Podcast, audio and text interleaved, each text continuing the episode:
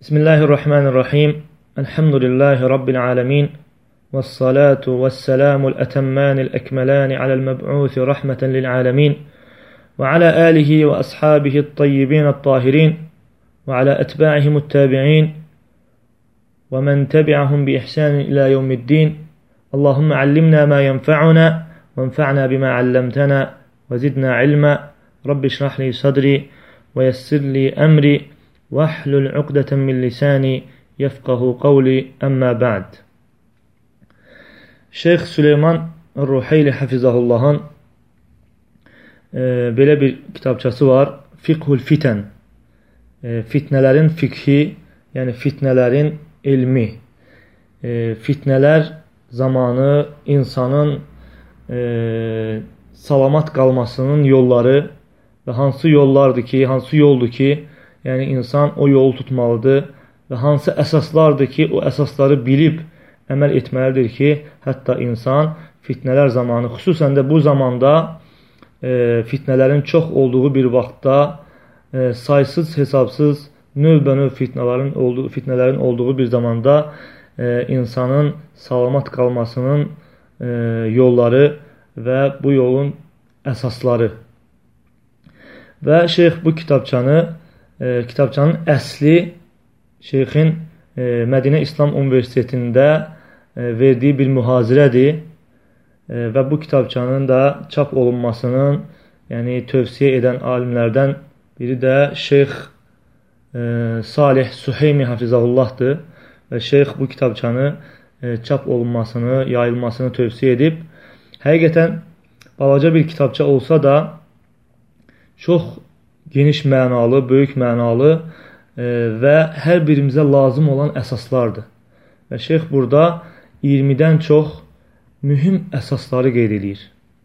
20-dən çox mühüm əsasları qeyd edir ki, hər bir müsəlman e, fitnələr zamanı fitnəyə düşənlərdən olmasın deyə və həmçinin də özü ilə başqalarını da fitnəyə salanlardan olmasın deyə bu fitnələrin əsaslarını, yəni bu fitnələr elminin əsaslarını, yəni bu fitnələrdən uzaq durmanın əsaslarını öyrənməli və bacardığı qədər çalışmalıdır ki, buna əməl eləsin. Hətta əmin əman ə, e, əmin amanlıq içərisində olanlardan və salamatçılıqla bu fitnələrdən uzaq duranlardan olsun deyə. Və şeyx e, birinci Allah Subhanahu və Taala'ya həmd sana etdikdən sonra e, bir çox nemətlər xatırlayır və o nemətlərə e, şükrünü bildirdikdən sonra şeyx buyurur. Əziz qardaş və bacılarım, həqiqətən Rəbbimiz Allah Subhanahu və Teala dünyanı imtihanlar diyarı etmişdir. Orada növbənöv fitnələr, imtihanlar yaratmışdır ki, bu imtihanlar səbəbi ilə sadiqlər yalançılardan və sabit insanlar da azanlardan seçilsinlər deyə. Necə ki Allah Teala Ənkəbut surəsi 1-ci, 2-ci, 3-cü ayələrdə buyurur ki: Əlif lam mim Əhəsibən nasu ən yutraku ən yəqulu amannə və hum la yuftanun. Əlif lam mim insanlar elə güman edirlər ki, təkcə iman gətirdik demələri ilə onlardan əl çəkiləcək və onlar imtahan edilməyəcəklər وَلَقَدْ فَتَنَّ الَّذ۪ينَ مِنْ قَبْلِهِمْ فَلَيَعْلَمَنَّ اللّٰهُ الَّذ۪ينَ صَدَقُوا وَلَيَعْلَمَنَّ الْكَاذِب۪ينَ Biz onlardan öncekileri de imtihan etmiştik. Sözsüz ki Allah doğru danışanları da yalancıları da aşkar edecektir. Ve şeyh buyurur ki bu fitneler çoktu ve növbənövdür. Bu fitnelerden mal ve övlad fitnesi. Necə ki Allah Teala buyurur: "Və alamu ennema amwalukum və auladukum fitnə və ennallaha indehu ecrun azim." Bilin ki, var dövlətiniz də, övladlarınız da ancaq bir imtahandır. Böyük mükafat isə Allah yanındadır. Ənfəl surəsi 28-ci ayə. Və həmçinin fitnələrdən xeyir, şər, itaət və asilik fitnələri Bu barədə də Allah Teala buyurur ki: "Kullu nefsin zaiqatul maut və nabluukum biş-şerri vel-xeyri fitneten və ileyna turcaun." Hər kəs ölümü dadacaqdır. biz sizi sınamaq üçün şər və xeyirlə imtihana çəkirik, siz ancaq bizə qaytarılacaqsınız. Deyir ki, biz sizi sınamaq üçün şər və xeyirlə imtihana çəkirik və siz bizə qaytarılacaqsınız. Ənbiya surəsi 35-ci ayə. Və sonra şeyx buyurur ki, həmçinin fitnələrdən insanların bir-birləri üçün imtihan olmaları, yəni kasıblıq və varlılıq, sağlamlıq və xəstəlik baxımından hallarının bir-birlərindən fərqli olduğu üçün insanlar bir-birləri üçün imtihandılar. Yəni Allah Teala buyurur: "Və cealna ba'dakum li ba'din fitneten etasbirun və kana rabbuka basira." Sizin bəzilərinizi digərlərinizlə sınaqdan keçirdik ki, görək səbr edə biləcəksinizmi? Sənin Rəbbin görəndir. Furqan surəsi 20-ci ayə. Bu kimi başqa fitnələr var ki, Allah Teala əzəmətli hikmətlər üçün o fitnələri yaradıb. Fitnələr növbənöv olsa da, e, bu fitnələrin hamısını cəm edən və onları əhatə edən söz imtihan sözdür. Yəni, imtihan kəlməsi fitnələrin bu növlərini e, hamısını özündə əhatə edir. Çünki bu fitnələrin hamısı imtihandır. Necə ki, bunu e, İbn Abdülbər rahiməhullah demişdir. İbn Abdülbər rahiməhullah demişdir. Və sonra deyir ki, şeyx buyurur ki, bizim də bugün danışacağımız mövzu e, ümmətin çoxuna üz vermiş ümumi fitnələrdir ki, bunun təsiri də bütün ümmətədir. Bunun təsiri də bütün ümmətədir.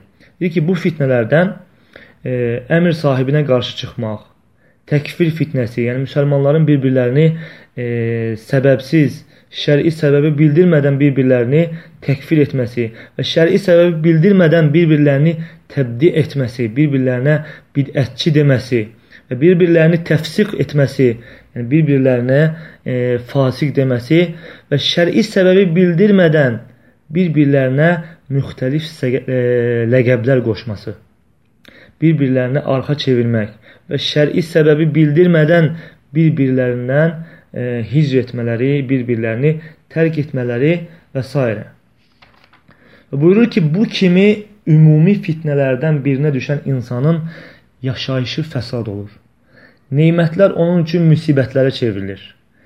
Qəlbi zülmətləşir insanlara qarşı köksü daralır.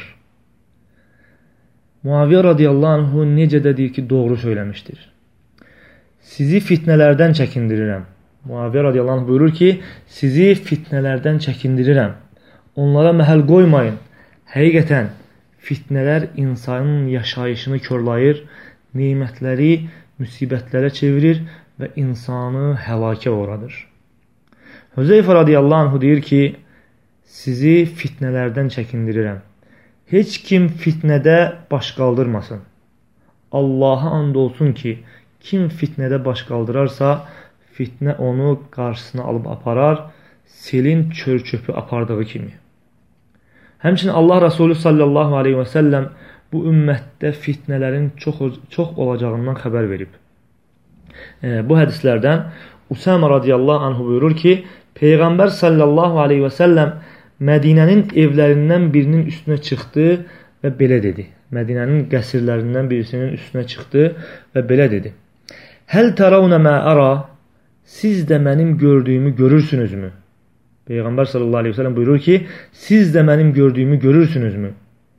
İnni la ara mawaqi'al fitani xilal buyutikum kemawaqi'al qatr. Həqiqətən mən fitnələrin sizin evlərinizin arasında fitnələrin yerini yağışın yerləri kimi görürəm. Və bu da Peyğəmbər sallallahu aleyhi və səlləmin Peyğəmbərliyinə e, dəlalət eləyən e, hədislərdəndir. Və Əbu Hureyr radiyallahu anhu rəvayət etdiyi hədisdə yenə Peyğəmbər sallallahu aleyhi və səlləm buyurur. Bədiru bil ə'mali fitənən kə qita'il leylil muzlim. Yusbihur rəculu mu'minən və yumsi kafira Əv yumsi mu'minən və yusbihu kafira yebi'u dinəhu bi'aradın minəd dünya. Deyir ki, zülmət gecənin parçalarına bənzər fitnələr olmamışdan əvvəl yaxşı əməllərə tələsin. Səhər mömin olan insan axşam kafir olacaq. Axşam mömin olan insan isə sabaha kafir olacaq. İnsanlar dünyavi gəlirdən ötürü öz dinlərini, dünyavi ucuz bir gəlirdən ötürü öz dinlərini satacaqlar. Hədis Səhih Müslimdə gəlib. Və başqa bir əzəmətli hədisdə Hüzeyfə radiyallahu anhu deyir ki, biz Ömər radiyallahu anhunun yanında idik. O belə dedi. Sizdən kim Peyğəmbər sallallahu aleyhi və səlləmin fitnələri xatırladığını, fitnələri zikr etdiyini eşitdi. İnsanlar dedilər ki, biz eşitdik. Ömər radiyallahu anh deyir ki, ola bilsin siz insanın ailəsində və qonşularında baş verən e, xırda fitnələri deyirsiniz. İnsanın ailəsində və deyir ki, baş, e, qonşularında baş verən fitnələri deyirsiniz. Onlar dedilər ki, bəli. Ömər radiyallahu anh deyir ki, o fitnələri namaz, zəkat və oruc silir. Lakin sizdən kim Peyğəmbər sallallahu aleyhi və səlləmin dənizin dalğaları kimi dalğalanan fitnələri zikr etdiyini eşitdi. Allahu Ekber. Deyir ki, Hüzeyfə radiyallahu anh deyir ki, insanlar sustular, mən dedim ki, mən. Ömər radiyallahu anh deyir ki, sənmi? Afərin sənə. Hüzeyfə radiyallahu anh bu fitnələri Peyğəmbər sallallahu əleyhi və səlləmin zikr etdiyi bu fitnələri qeyd eləyir, buyurur. Deyir ki, eşitdim ki, Allah Rəsulü sallallahu əleyhi və səlləm belə dedi. Tu'radul fitanu alal qalbi kal hasiri udan uda. Deyir ki, fitnələr fitnələr qəlblərə, insanların qəlblərinə həsirin çubuqları kimi çubuq-çubuq ərz olunur. فأي قلب أشربها نكت فيه نكتة سوداء Hansı qəlb o fitnələri qəbul edərsə, o qəlbə qara nöqtə düşər. Və ayyu qalbin ənkaraha nukitə fihi nuktətun beyda. Hansı qəlbdə o fitnələri inkar edərsə, o qəlbə ağ nöqtə düşər. Deyir ki, həttə tasira alə qalbeyni alə əbyada mislü safa fələ tədurruhu fitnətun mə dəmətis səməvat vəl-ard. Hətta axırda iki qəlbdən birinə çevrilər. Biri cilalanmış daş kimi ağappaq olar, yerlər və göylər durduqca ona heç nə zərər toxundurmaz. Vəl-əxaru أسود مربادا كالكوز مجخية لا يعرف معروفا ولا ينكر منكرا إلا ما أشرب هوا O biri isə qapqara, ağzı aşağı çevrilmiş qab kimi olar. Nə yaxşını tanımaz, nə də münkəri inkar etməz. Yalnız öz havasına uyğun olanı bilər. Hə, hədis Səhih Müslimdə gəlib. Və şeyx buyurur ki, artıq Peyğəmbər sallallahu aleyhi və səlləmin müsəlmanın belə fitnələrdə salamat qalması üçün getməsi lazım olan yolu yəni bizlərə bəyan edib. Və salih sələflərimiz də bu yolu bizlərə açıq, aydın, e, nurdan olan bir silsilə ilə bizlərə gətirib çatdırıblar. Və bildiriblər ki, müsəlmanlar fitnələrdən çıxış yolunu və fitnələr zamanı salamat qalmalarını yalnız bu yolda Peyğəmbər sallallahu aleyhi və səlləmin bizlərə bəyan etmiş olduğu yolda tapa bilərlər. Və şeyx buyurur ki, bizim də e, bu fitnələrin fikhi dedikdə qəst etdiyimiz də elə budur.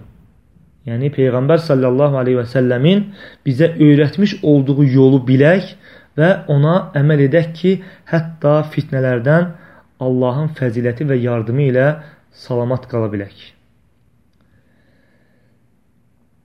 Və buyurur ki, həqiqətən kim bu yolu, yəni fitnələrdən xilas olma yolunu öyrənərsə, buna əməl edərsə, Allahın izni ilə o bu fitnələrdən salamat qalar, qəlbi və getdiyi yolu onun üçün nurlanar. Həmçinin özü ilə bərabər başqalarını da bu fitnələrə salmaz. Əziz qardaşlarım, Həqiqətən biz fitnələrin çox olduğu bir zamanda yaşayırıq. Bu zamanda insanların çoxu fitnələr elmində cahildirlər. Və bu cahillik bizim bir çox gənclərimizi və qardaşlarımızı fit şiddətli fitnələrə sövq edib. və onlar bu alovlu fitnələrdə yananlardan olublar. Və şeyx buyurur ki, bu cahillik bəzi elm tələbələrini kiçik fitnələrdən böyük fitnələr çıxartmağa və bəzən də fitnə olmayan yerdə fitnə çıxartmağa aparmışdır. Bəzi elm tələbələrini deyir hətta şeyx. Ki, bəzi elm tələbələrini, elmdə yeni olan tələbələri kiçik fitnələrdən böyük fitnələr çıxartmağa və bəzən də fitnə olmayan yerdə fitnə çıxartmağa aparmışdı. Və sonda bu fitnələr onlar üçün ən mühüm olan elm almaq, dəvət etmək və xeyir yaymaq kimi əməllərdən məşğul etmişdir. Şək yoxdur ki, fitnələrdə cahil olan insan fitnələr zamanı sürücüsü olmayan gəmiyə minmiş kimidir. E, buna görə bəzi sələflər demişlər ki, fitnə gəldiyi zaman onu yalnız alimlər bilər. Cahillər isə o fitnədə batarlar, fitnə getdikdən sonra isə cahillər onu bilərlər. Ən təhlükəlisi də odur ki, bəzi elmə yeni başlamış elm tələbələri şeyx buyurur ki, ən təhlükəlisi də odur ki, bəzi elmə yeni başlamış elm tələbələri hansı ki hələ elmdə möhkəmlənməyiblər və fitnələrdə danışmağa başlayırlar. Elmdə möhkəmlənməyiblər, amma fitnələrdə danışmağa başlayırlar. İslah etmirlər, əksinə fəsad törədirlər. Fitnələrin fiqhinə, fitnələrin e, fitnələrdən uzaq olmaq e, yəni insanı fitnələrdən uzaqlaşdıran fiqhə, o elmə mülazim olmurlar. Elm əhlinə qayıtmırlar və beləliklə insanların çoxunu heyrət içərisində çaşbaş qoyurlar. Və sonra şeyx buyurur ki, məlumdur ki, fitnəni hərəkətə gətirən insanlar iki sinifdir. Fitnəni hərəkətə gətirənlər iki sinifdir. Birincisi, qəsdi yaxşı olub lakin elmsiz olan insanlar. Qəsdi yaxşıdır, lakin elmsizliyinə görə, e, hikmətsizliyinə görə, elm olmayan insanın hikməti də olmur. Hikmətsizliklərinə görə e, qəsdləri yaxşı olsa da yenə də fitnələr törədirlər. Baxırsan ki, yəni özünü e, dinin qeyrətini çəkən kimi göstərir e, və e, amma Baxırsan ki, qəsdi yaxşıdır, dinin qeyrətini çəkir, amma cahilliyindən böyük fitnələrə səbəb olur. Və ikincisi, qəsdi pis olub müsəlmanlar üçün şər istəyən insanlar. Və ikinci qismdə hansıdır? Qəsdi pis olur, müsəlmanlar üçün şər istəyən insanlar. E, və ən şiddətlisi də budur. Və şeyx buyurur ki, bu fitnələrdə yalnız elmli insanlar və xüsusən də fitnələr zamanı gedilməsi lazım olan yolu bilən, və bunu sələflərin fəhmi ilə başa düşən insanlar salamat qalarlar. Və Şeyx Süleyman Hafizahullah buyurur ki, buna görə istədim ki, bugünkü dərsimi, yəni fitnələrin fikhi fitnələrin fikhi haqqında edim ki, bu barədə dərsi, yəni hər bir kəsin başa düşdüyü formada qaydalar və əsaslar üzərə edəcəm ki, e, çox uzatmayacağam ki, hətta başa düşülməsi e, və e, bez, e, başa düşülməsi rahat olsun və bezdirici olmasın deyə. Və şeyx sonra əsasları sayır. Və burada şeyx e, 20-dən çox əsas sayır bu kitabçada. İnşallah müxtəsər olaraq bu əsasları sizlərə çatdıracağam bir neçə dərsdə. Və bu dərsdə də inşallah bu əsaslardan üçünü götürəcəyik. Şeyx fitnələr zamanı salamat qalmaq üçün bilib əməl edilməsi lazım olan əsasları bir-bir sayır. Birinci əsas, ən mühüm əsaslardan Peyğəmbər sallallahu aleyhi və səlləmin sünnəsinə mülazim olmaq və yeniliklərdən, yeni bidətlərdən e, həzər etmək. Yəni, e, bidətlərdən həzər etmək, çəkinmək. Şeyx buyurur ki, Ey Allahın qulu, Bir əməl etmək istədikdə bax gör, o əməl köhnə, yəni Peyğəmbər sallallahu aleyhi və səlləmin və onun sahabələrin etdiyi, sahabələrinin etdiyi bir əməldir, yoxsa onların əməllərinə müxalif olan yeni bir işdirmi? Və deyir, sən yalnız Peyğəmbər sallallahu aleyhi və səlləm və onun səhabələrinin etdiyinə bağlan. Çünki bütün xeyirlər oradadır.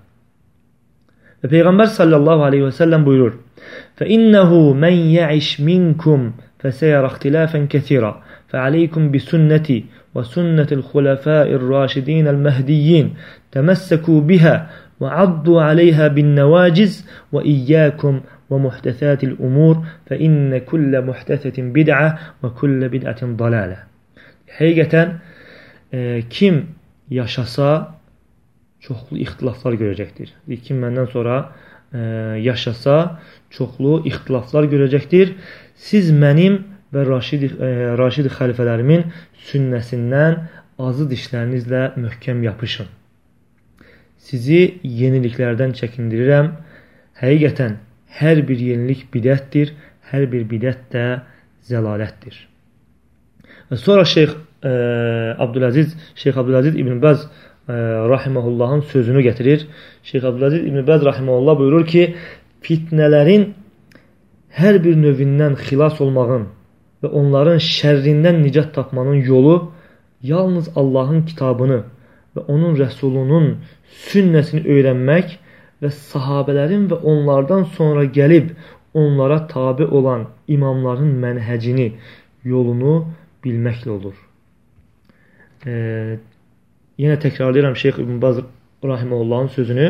Deyir ki, fitnələrin hər bir növündən xilas olmağın və onların şərrindən nicat tapmanın yolu yalnız Allahın kitabını və onun rəsulunun sünnəsini öyrənmək və sahabələrin və onlardan sonra gəlib onlara tabi olan imamların mənhəcini, yolunu bilməklə olur. Bilib əməl etməklə olur. Və ikinci əsas ikinci əsas insanın fitnələr zamanı e, salamat qalanlardan olması üçün bilib əməl etməsi lazım olan əsaslardan ikincisi müsəlmanın dəlillərə öz istədiyi kimi qarşı çıxmaması və öz istəyini dəlillərə uyğun etməsi. Və insan e, dəlil qarşısında artıq zəlil olmalıdır. E, başı aşağı olmalıdır və dəlilə birbaşa boyun əyməlidir. Öz istəyi ilə e, dəlilə qarşı çıxmamalıdır və öz istəyini dəlilə uyğun dəlilə tabe etməlidir. Şeyx buyurur ki, həqiqətən insanların çoxunun fitnələr zamanı bəlalarından, müsibətlərindəndir ki, dəlillərə tam şəkildə təslim olmurlar. Yəni, öz istəklərini dəlillərə qaytarmırlar. Əksinə dəlilləri öz istəklərinə qaytarırlar öz havalarına, nəfsi istəklərinə müxalif olan dəlil gəldikdə onu mütəşabihlərdəndir deyib tərk edərlər və yaxud da onu təvil edərlər. Və yaxud da təvil edərlər. Allah Teala Əhzəb surəsi 36-cı ayədə buyurur: "Və mə kana li mu'minin və la mu'minatin izə qadallahu və rasuluhu əmran أن يكون لهم الخيرة من أمرهم ومن يعص الله ورسوله فقد ضل ضلالا مبينا Allah və onun elçisi bir işə hökm verdiyi zaman heç bir mömin kişi və mömin qadın öz işlərində istədikləri qərarı verə bilməzlər. Yəni onlar üçün belə bir seçim yoxdur. Allahın və onun elçisinin hökmü qarşısında. Deyir ki, Allaha və onun elçisinə asi olan kəs əlbəttə ki, açıq-aydın azğınlığa düşmüşdür.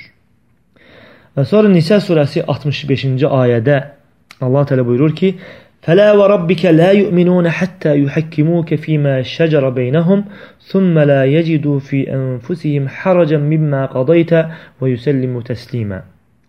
Xeyr, sənin Rəbbinə and olsun ki, onlar öz aralarında baş verən çəkişmələrdə səni hakim etməyincə, səni hakim təyin etməyincə, sonra da verdiyin hökmlərə görə özlərində bir sıxıntı duymadan tam, tam şəkildə təslim olmayınca iman gətirmiş olmazlar. Və sonra deyir ki, Şeyxülislam İbn Teymiyyə rahimehullah demişdir. Fəyəhtəlül abdu ən yənfi anhu şey'eyn. Şeyxülislam İbn Teymiyyə rəhməhullah buyurur ki, qulun özündən iki şeyi dəf etməyə ehtiyacı vardır. Qulun deyir ki, ehtiyacı var ki, özündən iki dənə e, iki şeyi özündən dəf etsin. Əl-əra'ul fəsidə vəl-əhvəul fəsidə. Fasid, batil rəylər və fasid nəfsi istəklər. Fəyələmə ənəl hikmətə vəl-ədlə fīmə iqtadahu ilmuhu və hikmətuhu lə fīmə iqtadahu ilmul abdi və hikmətuhu. Ki, bilməlidir ki, hikmət və adillik Allahın elminin və hikmətinin tələb etdiyindədir. Diqqətli olun. Deyir ki, bilməlidir ki, hikmət və adillik Allahın elminin və hikmətinin tələb etdiyindədir. Yəni sən ağlına e, batmaya bilər, sən ağılla dərk eləməyə bilərsən və sənə dəlil gəldisə və bil ki, Allahın e, hikmətinin və elminin tələb etdiyi yəni bu yəni hikmət və adillik burdadır. Qulun elminin və hikmətinin tələb etdiyində yox. Sonra buyurur ki: "Və yekuna havahu təb'an limə əmərəllahu bihi fələ yəkun ləhu mə'ə əmrilləhi və hukmihi həvan yuxalifu. Deyir ki, onun havası, nəfsi istəyi də Allahın əmrinə, əmr etdiyinə tabi olmalıdır. Allahın əmri və hökmü qarşısında ona müxalif olan havası, nəfsi istəyi olmamalıdır. Məcmu Fətava 10-cu cild 288-ci səhifə. Və sonra üçüncü əsas gəlir. Şeyx üçüncü əsası qeyd eləyir. Deyir ki, elmə həris olmaq və cahillikdən qaçmaq, cahillikdən həzər etmək. Şeyx buyurur ki, fitnələr şeytanın satışa çıxartdığı şübhəli mallardır. Şeytanın da deyir ki, satışa çıxartdığı şübhəli mallar da yalnız cahilliklə yayılır və cahilliklə e, bilinir. Yəni necə? E, cahilliklə artıq sən o şübhələri düşürsən və o şübhəli mallara e, düşürsən. Yəni, ona görə deyir ki, bu əzəmətli din elm və bəsirət dindir. Allahu Teala Fatih surəsi 28-ci ayədə buyurur ki: "İnnəmə yaxşallaha min ibadihil uləmə." Allahdan qulları içərisində yalnız alimlər qorxar. Və sonra Peyğəmbər sallallahu aleyhi və səlləm buyurur ki, Və innə fadləl alimi aləl-abid kə fadlil qamari leylətəl bədri alə səiril kəvakib. Həqiqətən, alimin abidin üzərinə olan fəziləti bədirlənmiş ayın başqa ulduzlara olan fəziləti kimidir. Bədirlənmiş ayın başqa ulduzlara olan fəziləti kimidir. Və yenə Allah Resulü sallallahu aleyhi və səlləm buyurur ki, Fadlul alimi aləl-abid kə fadli alə ədnəkum. Alimin, abidin üzərinə olan fəziləti mənim sizin fəzilətdə ən aşağı olanınızın üzərinə olan fəzilətim kimidir. Və şeyx buyurur ki, elmi yayan alim elm yaydığı üçün şeytan fitnələr zamanı onun üzərində hökmranlıq edə bilmir. Elm möminin silahıdır. Onunla şeytanı zəlil edərək qovar, şəhvətləri də qəlbindən uzaqlaşdırar. Ee, İmam Siyadi rahimehullah e, şiirində necə də doğru demişdir. Huditə ənə əfdaləl minən ilmun yuzilu şəkkə ənkə və dəran. Bil Allah səni hidayət etsin. Həqiqətən nemətlərin ən fəzilətlisi səndən şək və şübhəni dəf edən elmdir. Nemətlərin ən fəzilətlisi səndən şək və şübhəni dəf edən elmdir. Və bu gün bu üç e, əsasla kifayətlənirik və inşallah bir neçə dərsə bu əsasları müxtəsər şəkildə e, sizlərə çatdıracağam. Allah Təala eşitib faydalananlardan eləsin. Allah Təala bizi e, çıxan və çıxacaq fitnələrdən, fitnələrin şərrindən qorusun. Allah Təala e, bizim qardaşlarımızın qəlblərini birləşdirsin və ixtilaf etdiyimiz məsələlərdə e, haqqın üzərində cəm olmağı bizə müvəffəq etsin. Allah Teala eşidib faydalananlardan eləsin. Və sallallahu alə nəbiyyina Muhammed və alə alihi və sahbihi əcmain. İxlasla.com saytı tərəfindən təqdim olundu.